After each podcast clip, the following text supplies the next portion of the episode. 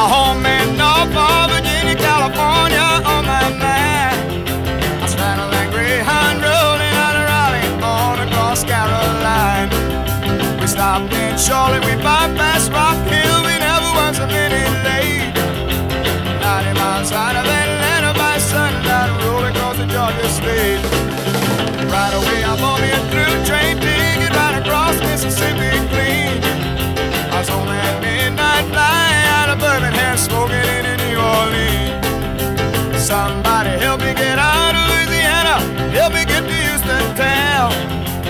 Are some folks who care a little about me and they won't let the poor boy down.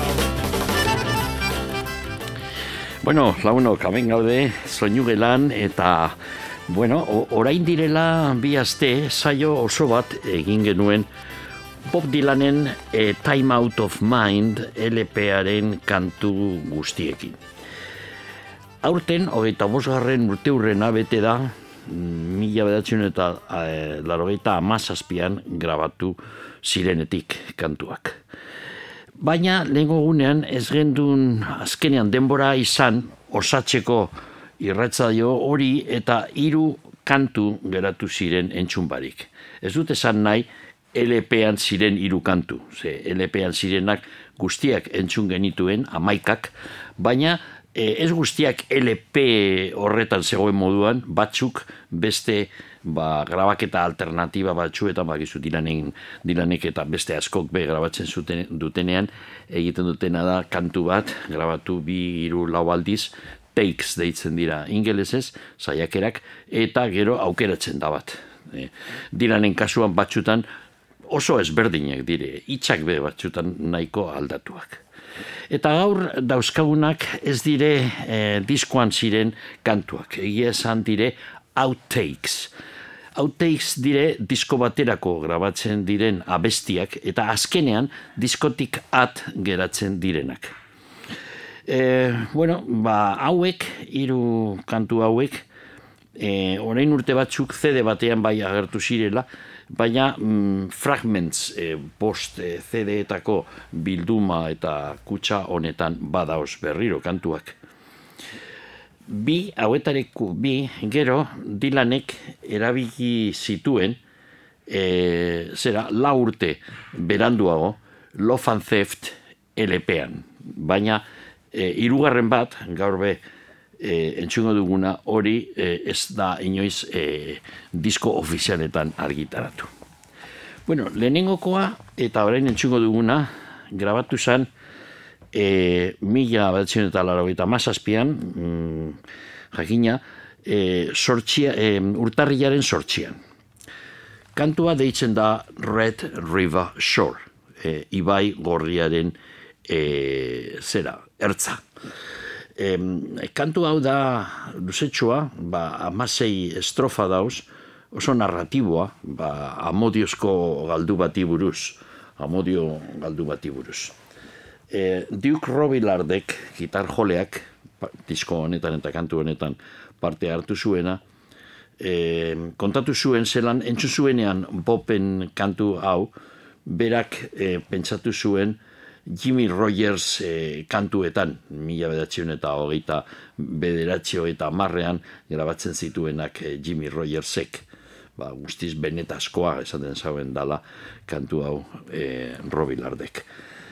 Bueno, lanua e, produktorea eta Dylan ba, asko hitz egin zuten kantu honi buruz, eta disko honi buruz orokorrean, eurek esaten zuten nola bait, ba, zegoen hor, e, estatu batuetako gerra zibilaren eta martuain idazlearen astarna, eta ba, mm, azten da, e, bueno, ez da e, holan azten, baina badago estrofa bat da, dago e, lau bertso hor, e, zera, ba, kutsu evangelikoa dutenak eta hauek dire, berak esaten dau. Oin entzun dut gizon bat, e, aspaldi batean bizi izan zana. zana.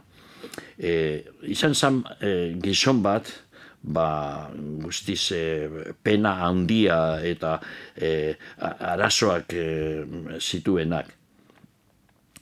Eta inok bere inguruan, e, hil eskero edo hilda bazegoen, berak bazekien zelan ekarri berriro e, bizitzera. Nola bait, e, e, kristoren metafora eba, erabiltzen dau Bob Dylanek Red River Shore kantu honetan. Orain entzungo dugu abestia.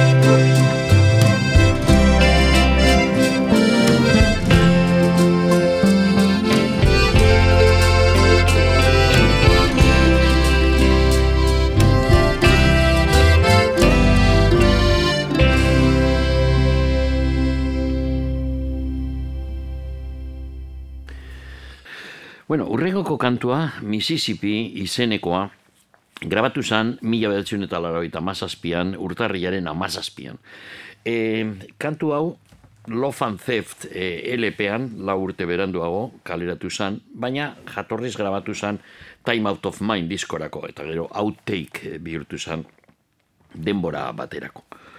E, ba, kantu honetan, eta batzuen ustez da, ba, mm, urtarril hartan grabatu ziren kantu guztien artean honenetakoa, e, dago, zea, hasi eran, mm, lerro pare bat hartuta e, kantu tradizional batetik, Rosi izenekoa kantu tradizional batetik. E, zea, kantuaren protagonistak esaten dago, gauza bakarra egin nuen nik gaizki. Geratu nintzen Mississippi estatuan, e, egun bat gehiago geratu behar nintzen baino.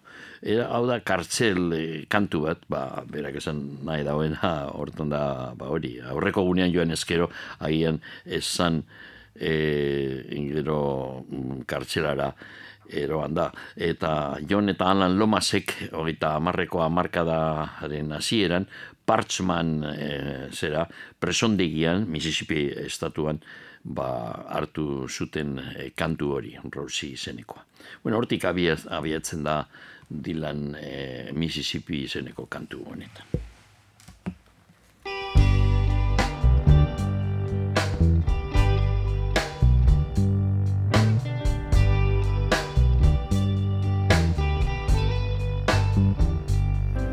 I'm standing in the shadows with an aching heart. I'm looking at the world tear itself apart. Minutes turn to hours, hours turn to days. I'm still loving you in a million ways. Well, the devil's in the alley. There's a mule kicking in my stall. Say anything you wanna, I have heard it all. I was raised in the country. I've been working in town. I've been in trouble ever since I set my suitcase down. Well, I ain't got nothing for you. I ain't nothing before. Don't even have anything for myself anymore. The sky's full of fire. Nothing you can sell me. I'll see you around. Well, I got here following the southern star. I crossed that river just to be where you are. There's only one thing I did wrong. Stayed in Mississippi a day too long.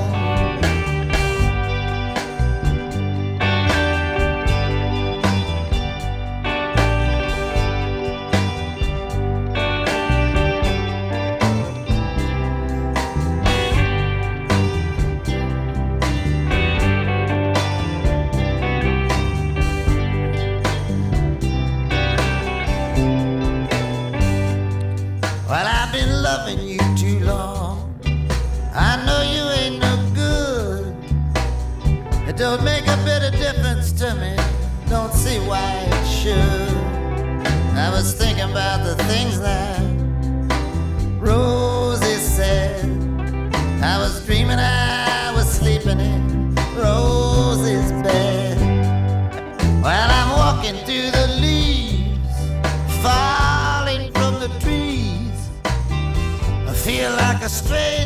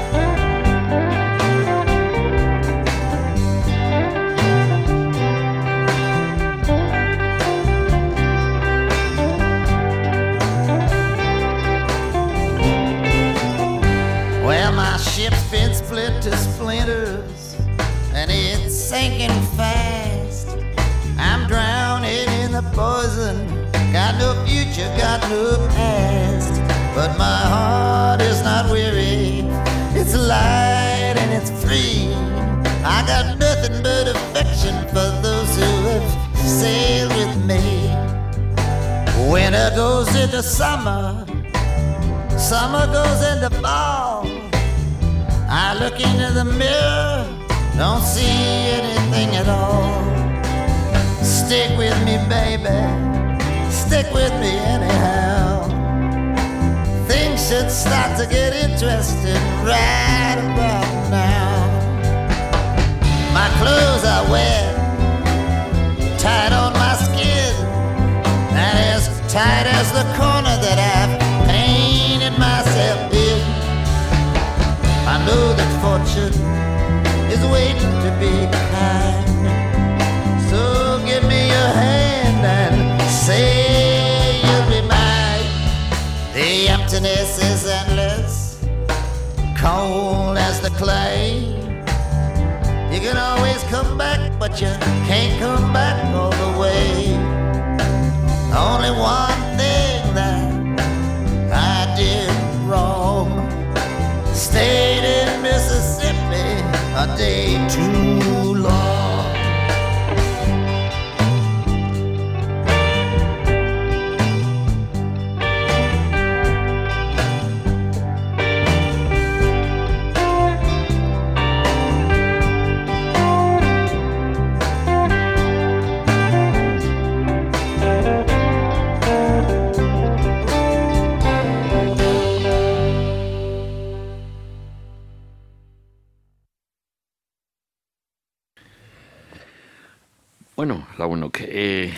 ba, beste kantu bat grabatu zana eta outtake bat izan dela, betikoa, ze inoiz ez da argitaratu dilanen disko ofizialetan, e, hause grabatu zan, ba, urtarrian zeian, laro eta mazazpian, eta March into the City du izena abesti honek.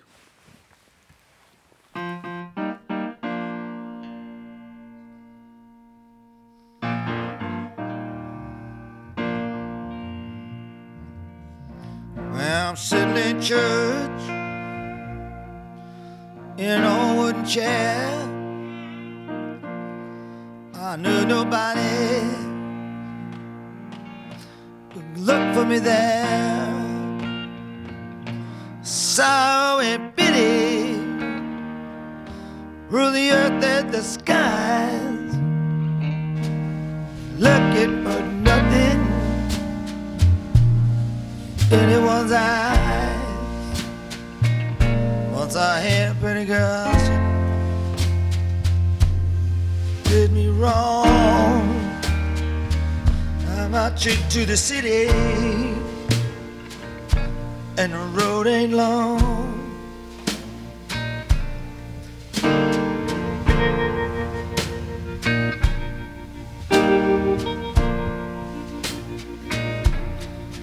Snowflakes are falling around my head.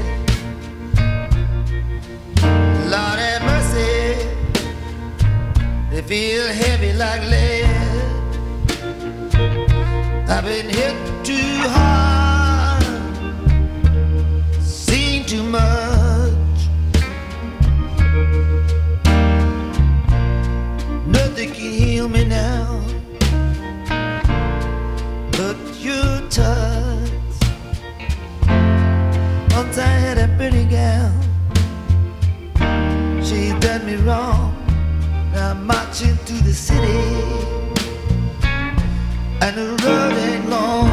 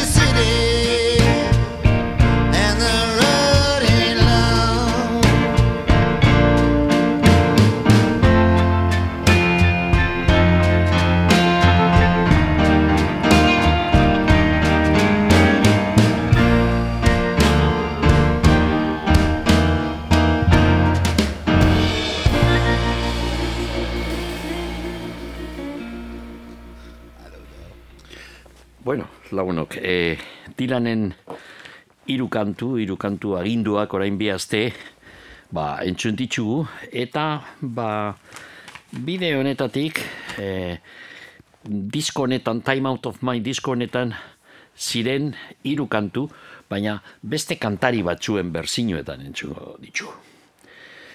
Eta badago zio zera mankomuna bi diskoen artean. Ba, gauza pare bat, Lehenengokoa, biak dire emakumezko kantariak, ez dakit gaitik, baina dilanen kantuak, azkenengo ba, bi iru amarkadetan, begiratzen ba, ba itxugu zenbat grabazio dauz, diskoak tinot, ez berzio solteak, ba, ezik eta disko osoak dilanen kantuekin egindakoa, asko eta asko e, Andrek e, egindakoak dire. Eta ba, gaur ekarri dituguna, ditugun e, diskoak biak dire. Bata da Inglaterrako Chrissy Hind, Pretenders taldean e, burua izandakoa, eta dana ondino, Pretenders e, batzen dire, ba, kontzertuak emateko. Eta bestea, ba, kafean txokian, Bilboko kafean txokian ondo ezagutzen dugun ba, kantaria handia, kantari kantu egilea handia, Lucinda Williams, behin baino gehiagotan e, oholetan e, hemengoko eskenatokian ibilitakoa. Eta badago, irugarren gauza bitxia, bidizkoak grabatu ziren 2000 eta hogeita batian, horrek esan nahi dau, pandemiaren garaian egindako grabazioak dire. Bueno, hasiko gara e, Chrissy Hind mm, kantariarekin, Inglaterrako kantariarekin. Standing in the Doorway, Chrissy Hinn sings Bob Dylan, izan zan CD honen izena. Hemen dauz bederatzi kantu, Bob Dylanen kantutegitik e, hartutakoak, eta ba, Chrissy Hinn, Inglaterran, zegoen bere etxean, bueno, asko egon nien moduan, denbora luzerako, etxean gehien bat, arazoekin, bueno, kontzertuak egiteko, ba, ezinezkoa, birak egiteko, eure kantariak izanik, ba, gizue, ba, ba, gure kafean txokian be, behitu ze luze itxita egon zan, eta, bueno, ba, musika eta antzerkia eta inbeste munduetan, ba, dana zegoen geldirik, stand-by batian. Eta krisi hindet, e, deitu zion, bere gitar joleari, Pretenders taldean berarekin jotzen dauena, Wolburn gitar joleari, Wolburn zegoen bere etxian be, isolatuta, eta pentsatu zuten grabatzea biok eh, batera e, disko hau, dilanen kantuekin. Eta esan eta egin, e, beraz izan zan, nik uste, e, ez dakit elkartu ziren grabatzeko, edo bakoitzak bere etxian, egin zauen bere esatia, eta gero gaurko ba, teknologiarekin errez e, batu egiten dire gauzak, eta eta bueno, standing in doorway, disko honi izena emoten zion abestia, izin zan, Dylanen Time Out of Mind e, grabazioan zegoen. Eta hori da, entzuingo duguna, ontsi bertan. Standing in the doorway. Hau da, Chrissy Hind, 2000 eta hogeita batean.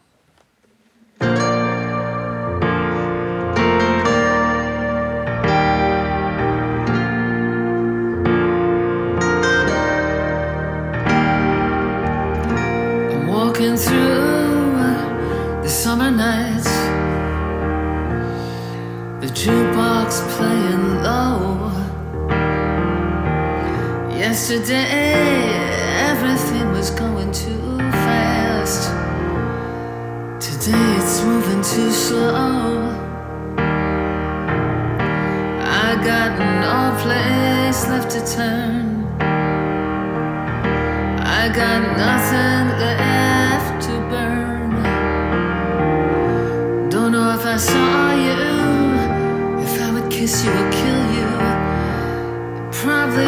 matter to you anyhow.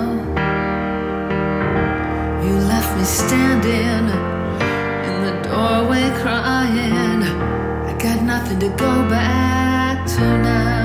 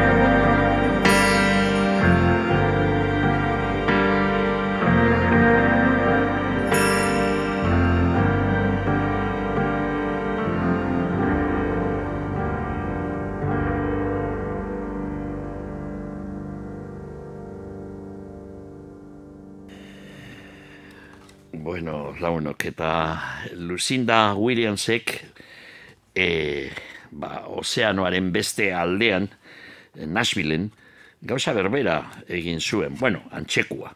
Zan nahi dut, e, pandemiaren garaian bebai, berak e, birak edo kontzertuak e, egin ezinek, eta ba, Nashville, e, Nashvilleko estudio batera, Room and Board izeneko estudiora, eroan zuen bere musikariak kasuanetan e, talde osoa, e, Fred Eltringham, bateria jolea, Steve McKee, basu jolea, Stuart Matthews, gitar jolea, eta e, Joshua Grange eta Tim Lauer e, teklatu joleak. Talde osoarekin, Lucinda Williamsek, Bob's Back Pages, A Night of Bob Dylan Songs, diskoa grabatu zuen. E, guztire ba, maika kantu izan ziren, e, Bob, e, Bob Dylanen backpages hori da ba, e, lehengoko iraganeko ba, horrialdeak, e, gau bet Bob Dylanen kantuekin, e, Night of Bob Dylan Songs. Eta aukeratu ditugun lehenengokoa, Time Out of Mind diskoan zegoen, kantu mm, Dylanek askotan jo duena, zuzenean, uste dut donostin egon zanean urte hartan, e, 2000 eta iruan edo, uste dut izan zala, North Darjet kantua behe egin zuen, eta askotan jo dauen kantua dilanek zuzenean. Ba, North Darjet, ondino, ez da iundu.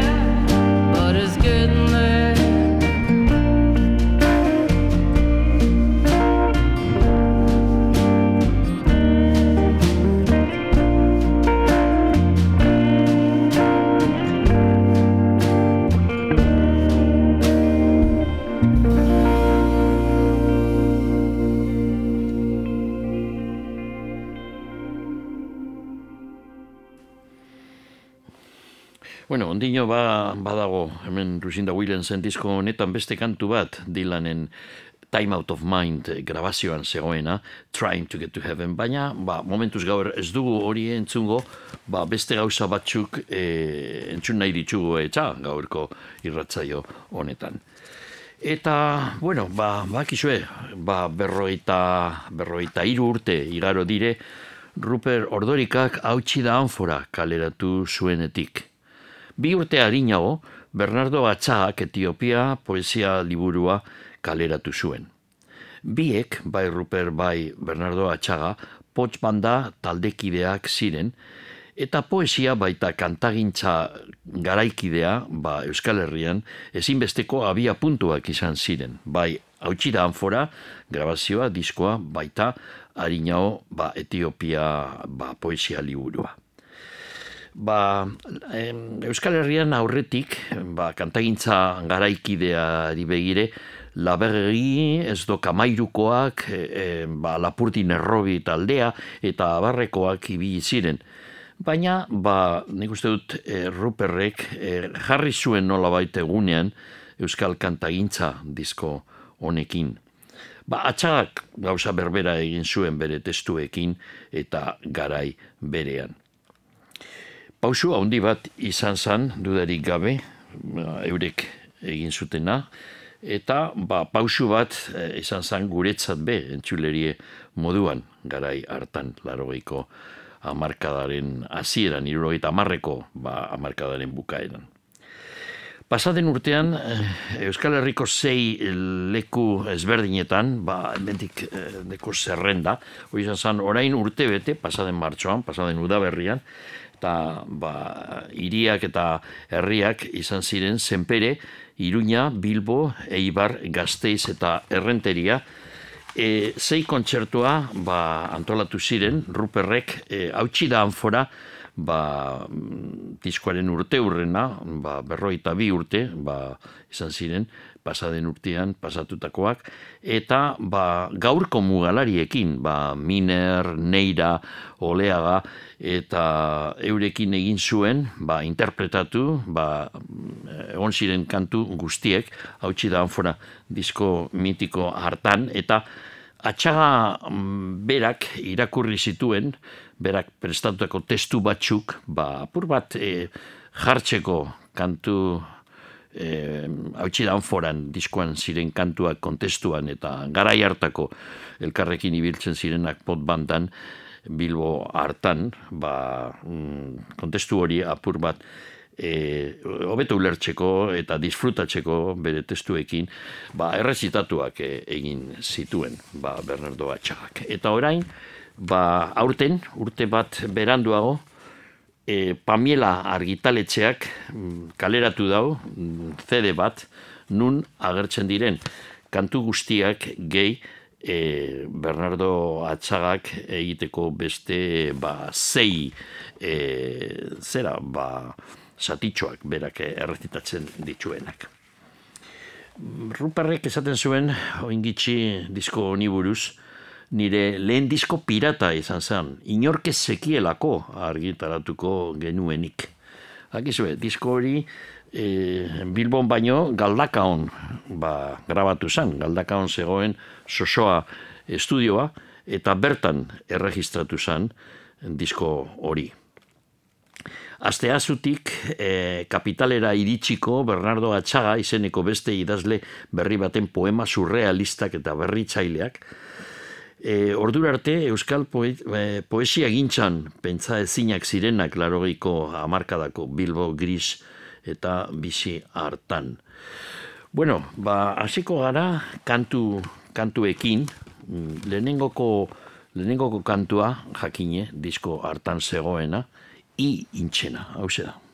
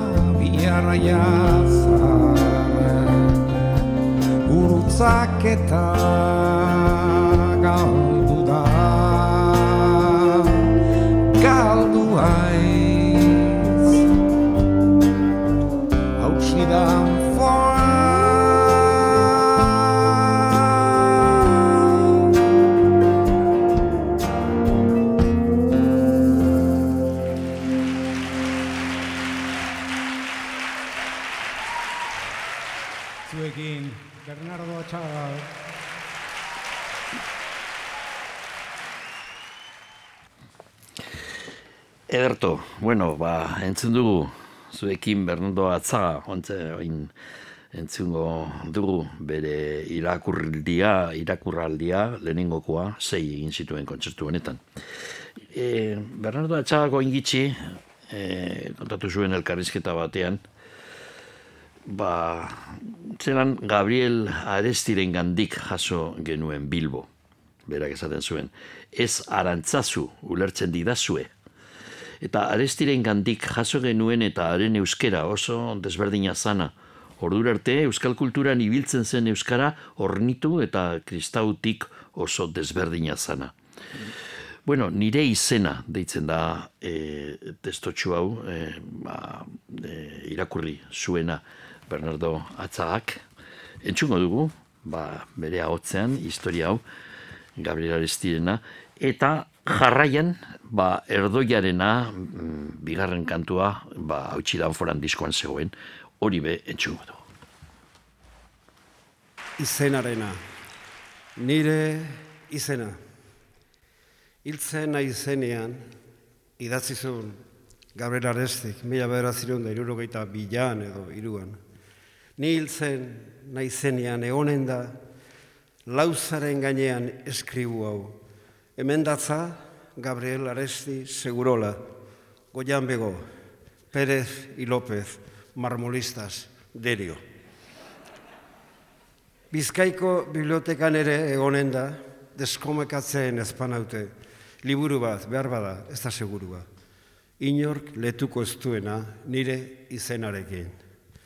Eta gizon batek esanen du kardanberak loratzen direnean, nire aitak esaten zuen bezala, nik ere Andre bat etorriko zait, done santuru oro lore koroa batekin. Jainkoak ez dezala nahi, Bilboko karrika bati nire izenik eman diezaiotela. Ez dut nahi, bizargile ordi batek esan dezala, ni arestin bizi naiz, anaiaren koñata nagusiarekin badakizu, maingua. Batzutan, errantzaharrak, erratzen dira. Pentsatzen dut nire izena, nire izana dela. Eta ena izela ezer, ezpada nire izena. Urte batzuk geroago, mila bederatziron da irurogeita amalauan, Ruper Ordorika, bisitan joan zitzaion Gabriel Arestiri eta zertan zan galdetu eta zer idazten ari zen. Nire iturria agortu da, erantzun zeion Gabriel Aresti. Mila bederatziron da irurogeita amabosteko maiatzaren bostean hiltzan. Mila bederatziron da irurogeita amabosteko maiatzaren bostean. Gabriel Aresti, Euskal poeta hiltzaigu berrogeita bi urte bete baino lehen. Idatzi zuen Juan San Martinek egunkarian. Poeta handi bazen, mundu hobeago baten alde sufritzezuna. Hizkuntza, herrila, eta batez ere langileria zituen maite, eta berengatik edo beren alde sufritzezuna kantatzezun gauza zelaiak, errazak, eo zeinek konprenitzegoak idaziz. Eta etorri zen, haren jarausila, haren oinordetza, haren polsa zabaltzeko tenorea eta orduko idazle musikari gazte batzuek haren euskara klaroa eta haren irila ziutatia Bilbo, Bilbao, jaso genuen. Hiri bat, nun erdoilaren tristeziarekin batera, udazkinetan lanburua den soineko.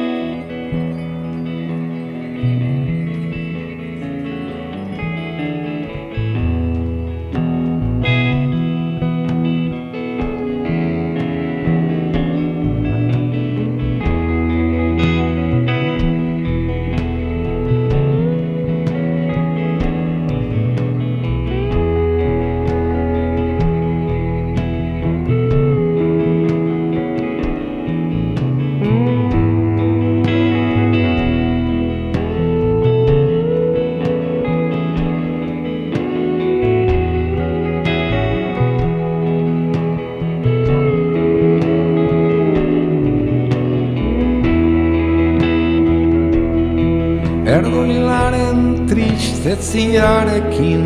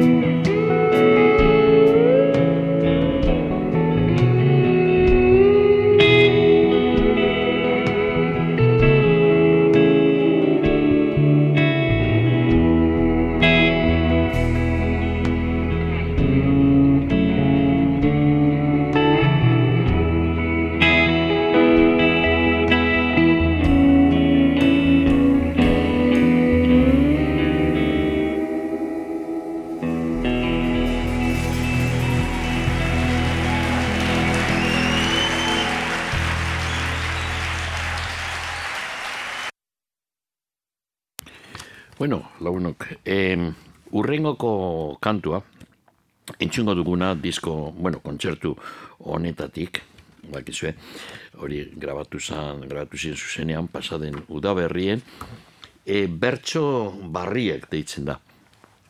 E, nik uste dut kantu honetan, bueno, ba, kontzertu osoan, egon ziren gaurko mugalariak, Arkaitz Miner, gitarra, mandolina, bibolina eta e, Fernando Lucho Neira, basu jolea, Asier Oleaga, bateria jolea, Vicente Martínez, berreskuratua, bueno, ba, iru trukun egon zan luze ruperrekin, baina hautsi da fora mm, jatorrizko grabazioan, orain berrogeita hiru urte egindakoan, egon zan, bebai Vicente Martínez.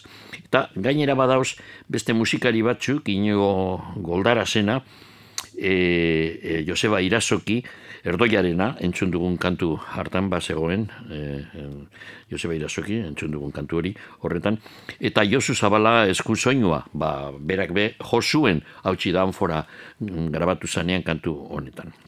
Beraz, hemen inigo goldarazen eta Josu Zabala badauz. E, mm, bertso barriak edo e, agertu ziren hautsi danforan diskuartan, eta ba, kaleratu zanean, CD ondino asmatu, asmatzeko zegoen, e, LP batian, eta agian kasetetan be bai, ba, LP-an agertzen zan, barruan, olako horri batzuk e, hitzekin, eta bertso barriak e, kantuaren hitzekin batera, agertzen zan, gaztelaniaz, e, Bernardo Atxagak idatzitako testu bat kantu honetaz. Dagoen, zegoen moduan, irakurriko dot atxagak idatzi zauena e. Coplas de un hombre corriente, eh, Bernardo. Improvisé estas estrofas hace ya bastantes años y en circunstancias no muy halagüeñas, en la sala de guardia de un cuartel, concretamente. Una vez retocadas, formaron parte de la extensa dedicatoria de mi primer libro, Ciutate As, que es donde Rupert pudo leerlas. Es una de las canciones más veteranas del disco y por tanto y tanto la música como la letra siguen pautas tradicionales, las de el sortzico nagusia, que es la forma de versificar más usual de los bertsolares. Ba, hause da kantua, bertso barriak.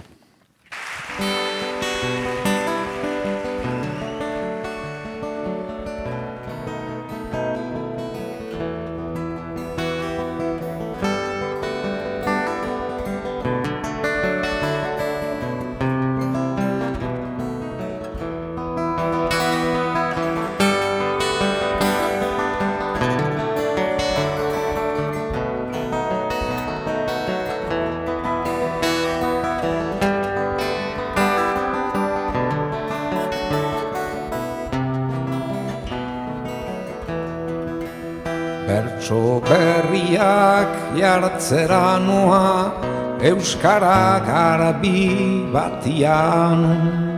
Itz politen bila ez etorri Hortaz gelditu atian Barruak lasaituko ditut Ez tarriaren kaltian. Nire kantuak idurituko du Txakurren zaunka katian.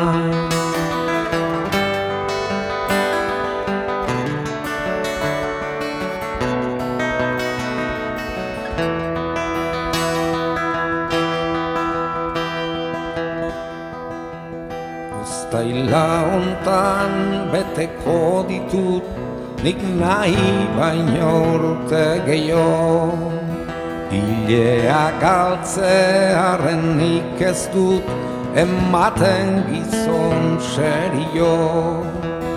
Ene hitz garbienak ere ez du inunez balio.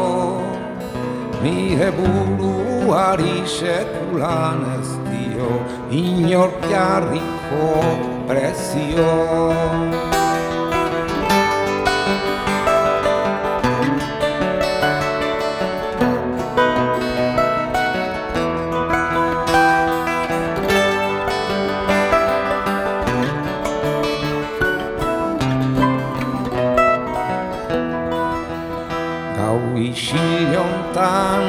ikusten zaitut Ifarraldeko izarra Ama bosturteko neska baten Ametsa bezain ederra. Urruti zaude mundu ontatik Librea eta bakarra Inoren menpe kantatzen duzuta Zure boza da zilarra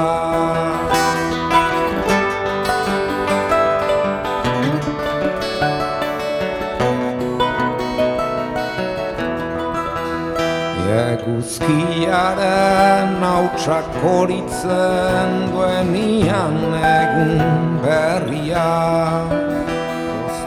Zara gazta iniluna zabaltzen duzu horria Ez zara makina beltz baten Bioitzen bitzaria.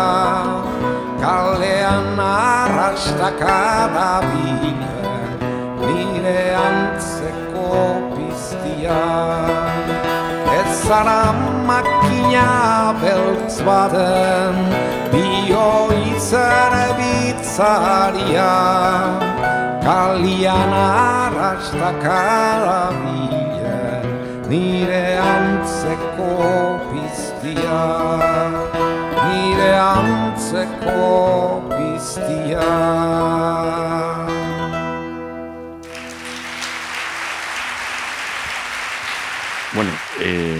lehen txarto, ba, esan dut, Iñaki Goldarazena eta Josu Zabala, eskusoinoa, baso eta eskusoinoa, e, ez dire, mm, ez ziren kantu honetan parte hartu, baizik eta diskoaren bukaeran zegoen eta kontzertuaren bukaeran zenbait bertso celebre beste kantu batia. Bueno, orain entzuko dugu azkenengo zera, ba, azkenengo mm, Bernardo Atxagaren irakurraldia eta ba, azkenengo kanta gaurkoz disko honetatik. Ba, atzagak azalduko dauen moduan, ba, garai hartan hilo eta amarreko mm, amarkadaren azkenengo urteak, laragoiko amarkadaren hasieran be, ba, berak aipatzen dauen historia hau, ba, koktelak eh, edateko zegoen e, zera, gau taberna bat, iturriza kalean, San Francisco kaletik bajatzen dana, ba, urto da, de ameza garantz, hor zegoen e, JK izeneko taberna, edo gau taberna, hobeto esan da, eta ba, garai hartan be nik eh, askotan, bueno, ez egunero jakina, baina, bueno, na, nahiko txo joaten ginen lagunekin e, asteburuetan, ja, ba, berandu zanean, edateko bertan egiten ziren e, koktelak. Bueno, ba, entzuko dugu, atzak e, azkenengo irakurraldi hau, e, e, barru, poema ederra daukagu, daukagu e, Luigi Anselmik idatzitakoa, kontu honetaz, eta jarraian fasfatun kantu handia entzungo dugu.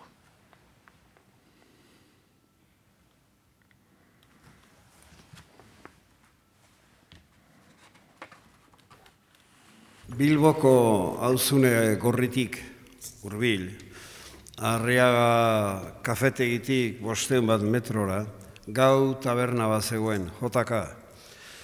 Gure liburu zaletasunak bideratu gintuen ara esan nahi da zaletasun ura zala eta berdez liburu dendatik ibiltzen ginela maiz.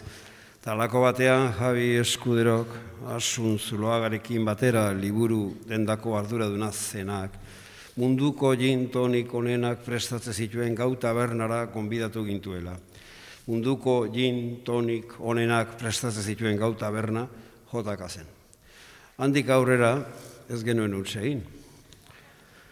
Amerikan ematen zuen jotakak, jazz musikarekin gerotua beti, inguruotan sekula ikusi gabeko botila zornitua zegoen, ginebra botilak nausi, hogeita bost edo hogeita mar, markatako, ginebra botilak erreskadan kokatuak, Bifiter Barrows, Bifiter Pink, Bombay, Dry Gin, Gordon's Special, Larios 12, Larios Rosé, Larios Premier, Moon Gin, Mombasa Club, Monkey 47, London Gin.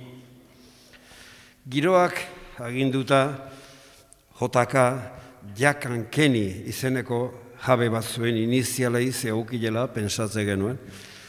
Jack and Kenny edo Jurgen und Karl izeneko bikote bati. Baina ez, Orozkokoak ziren jabeak. Joseba eta Koldobika. Orozkokoak estatu batuetako galaietan pilotari ibilitakoak. Koktel bat eskatze zitzaienean, galde egite zuten, zelakoa gurosu, gozue ala garratze, hobe gin tonik bat, ezta? Esate gere jenguk, geure espezialidadie da gin tonikie, aitortze zuten aiek.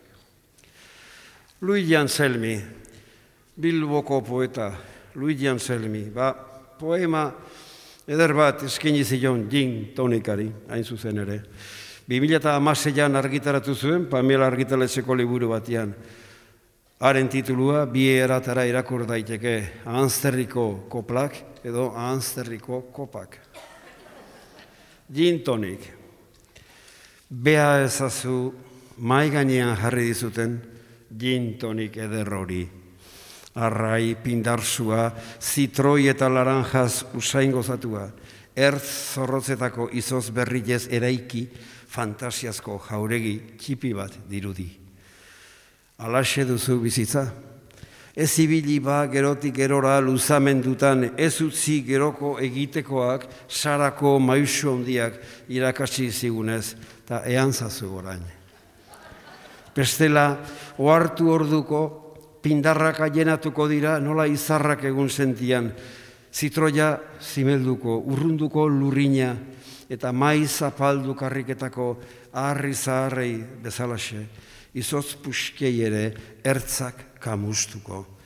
Bestela ohartu orduko, ginebraren biloz karsuan urak kutsaturik, bekatu larriagorik bate, sua iraungiko da, azkenduko bizila. Eta nork izanen du orduan urak ondatu edabe hitz hori gogoko, ean zazu orain. Ala baina, eternitatea luzea da oso.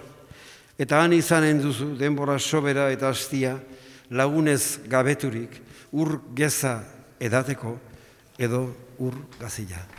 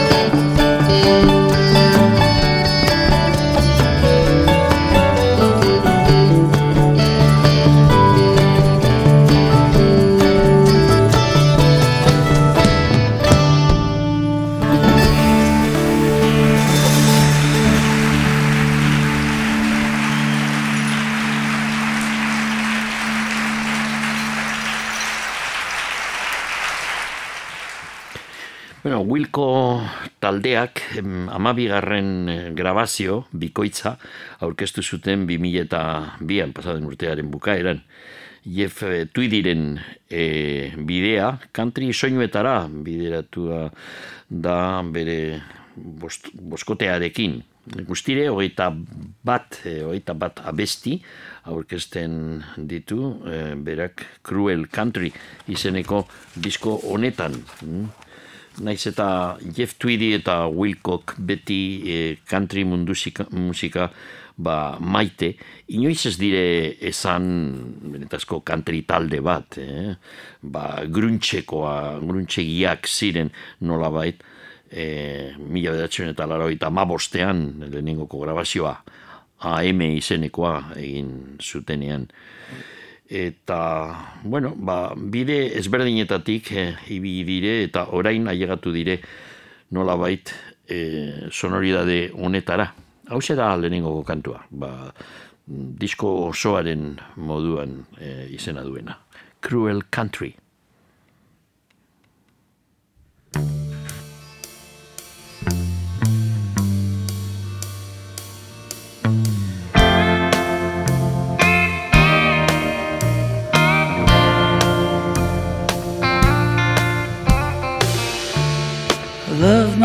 Country like a little boy.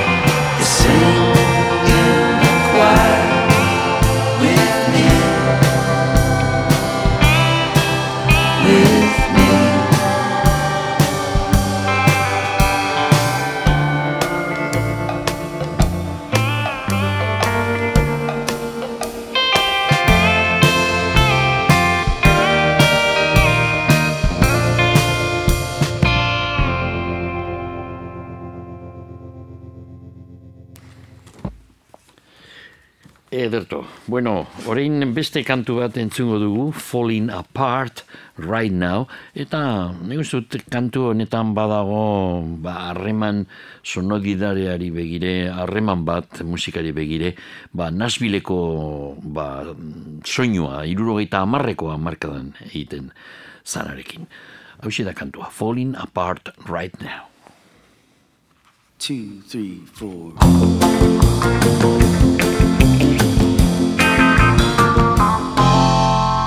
Don't you fall apart while I'm falling apart. Why don't you get in line behind the tears I'm crying? I know our hearts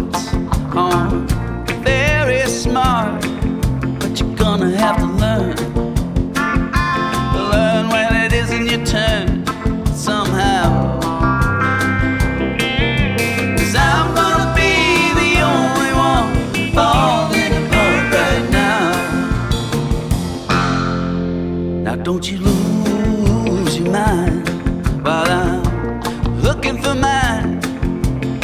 You're gonna have to stay strong a little longer this time. I know our hearts on a carte, baby being blue oh, when it comes to me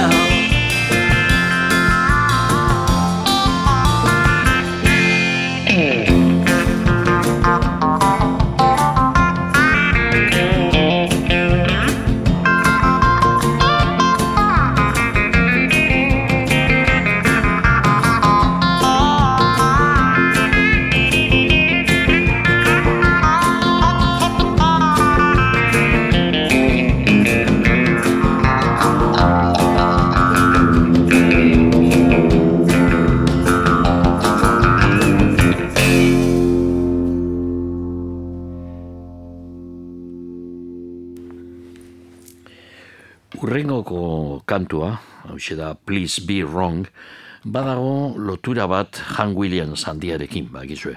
Ba, country musikaren garaikidea Han Williamsekin batera azten da. Eta hausi izen da, duerik gabe referentzia, ezinbesteko referentzia Wilko taldearen zat. Kantu hau egiteko, Please Be Wrong.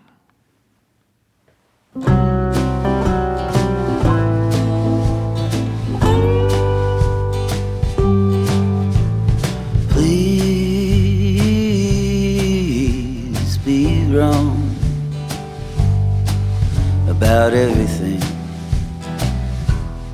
getting you down. Let it be misunderstood. One word, one word misheard can change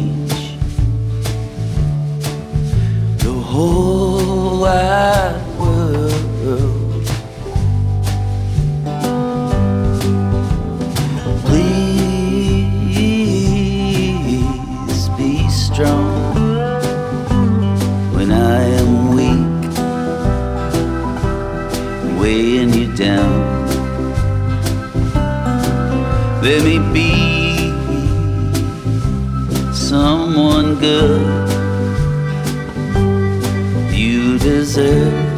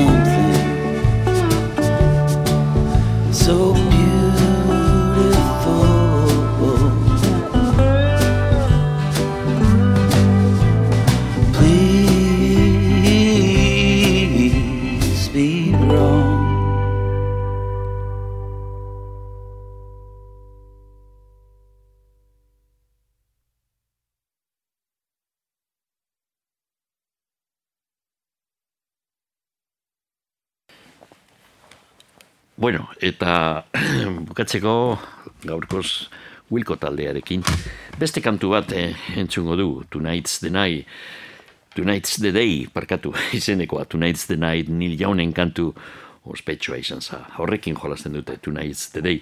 Bueno, eh, hause mm, Wilkoren azkenengo diskoa, disko ederra, eh? eta luzea, bi CD, hogeita bat kantu, eta country mundutik gertu ibilten dire eurek disko honetan bakarrik eh, aipatzea dausen musikariak, bueno, Jeff Tweedy jakina burue kantu egilea gitar eh, akustikoa jotzen duena eta ahots nagusia taldean. John Stirrat basujolea, basujolea ere Patrick Sanson, Nils Klein, lap steel gitar, slide gitar, beste musikatresna batzuen artean, Glenn e, kotxe e, perkusioa eta bueno, bateria jakine, eta Michael Jorgensen teklatu jolea pianoa eta organoak. Bueno, hau da kantua, Tonight's the Day.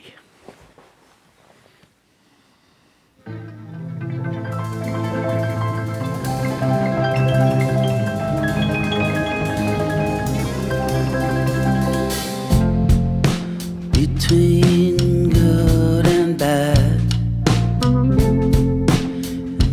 what is true between happy and sad I choose you Patty whispered across the table. I think we're being watched.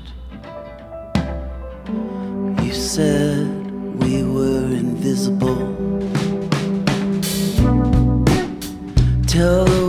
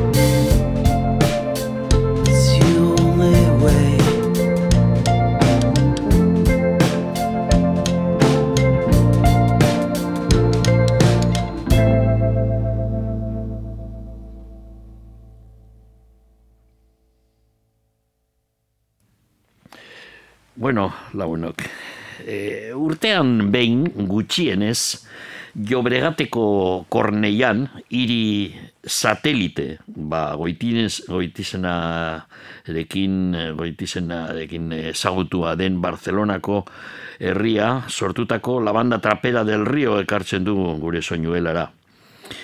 Ba, la banda trapera del Riok grabazio asko ez zituzten edo ez dituzte egin ze mm, desagertu eta agertu dire berriro batxutan.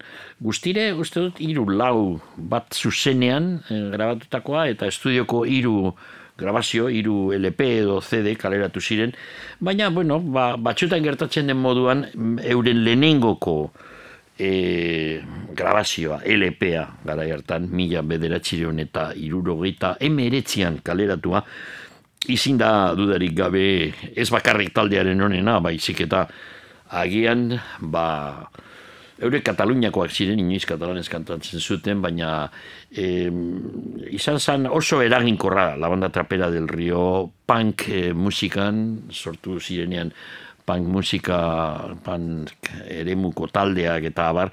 Naiz eta la banda trapera del Rio zuzen eh, sonoridadea, soinua esan punk estilokoa, ba, rock gogorraren, gogorrarekin zuten igual, em, harreman handiagoa, baina mm, gaien gatik euren kantuetan, eta euren bisimodua basatiagatik askotan ba, punk musikarekin.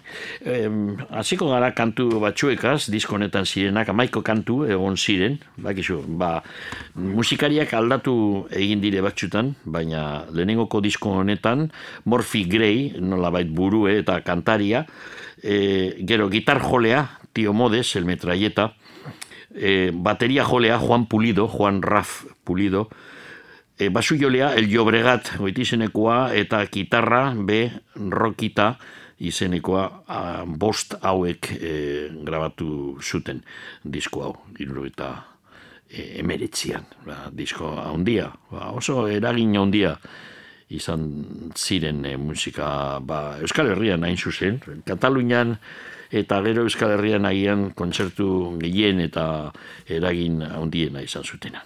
Bueno, hau da lehenko kantua orain entzungo duguna, badago hor e, bertso bat oso famatua, soy curriqui de barrio, soy amigo del obrero, eh, y le pienso pegar fuego. Soy enemigo del sistema y le pienso pegar fuego. Grabat, eh, kantatzen edo yukatzen zuen eh, Morphy Greyek, kurriki de barrio.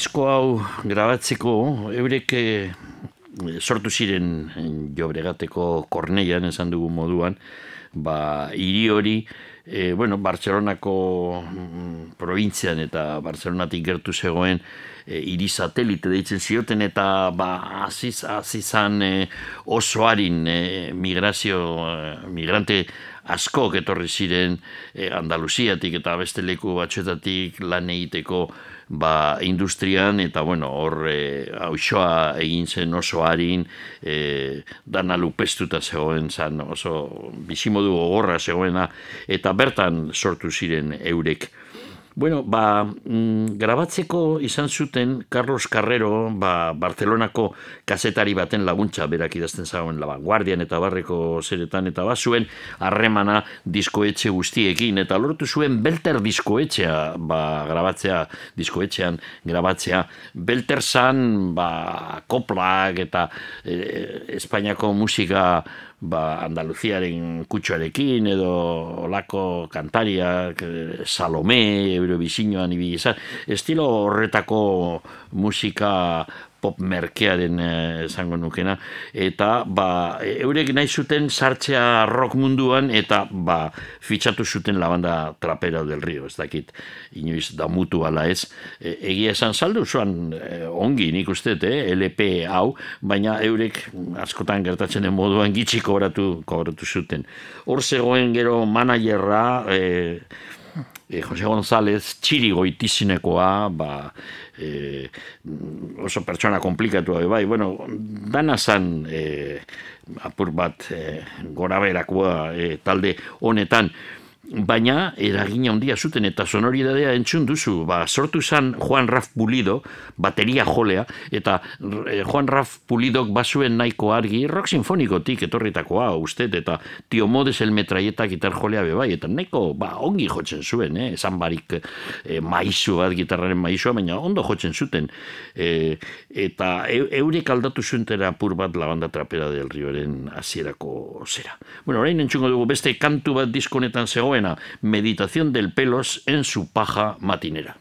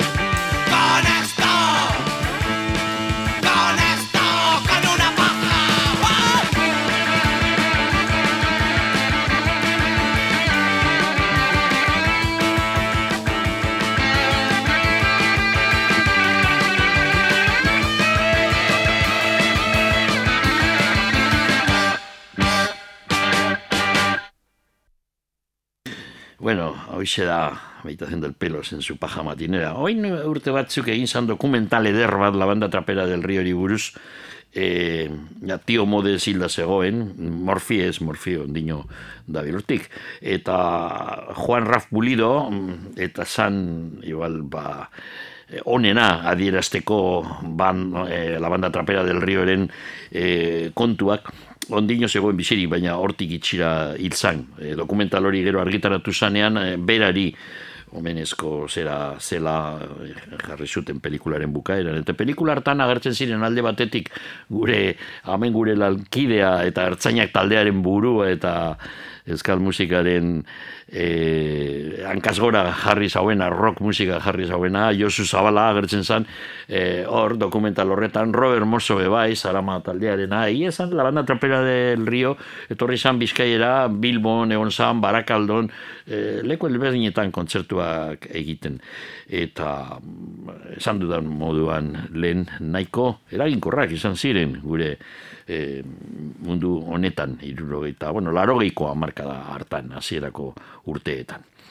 Kanta bat, e, Ester Baiezek idatzitakoa, katalanez be egiten zuten, eta disko honetan bazegoen, Ciutat Podrida, hau da.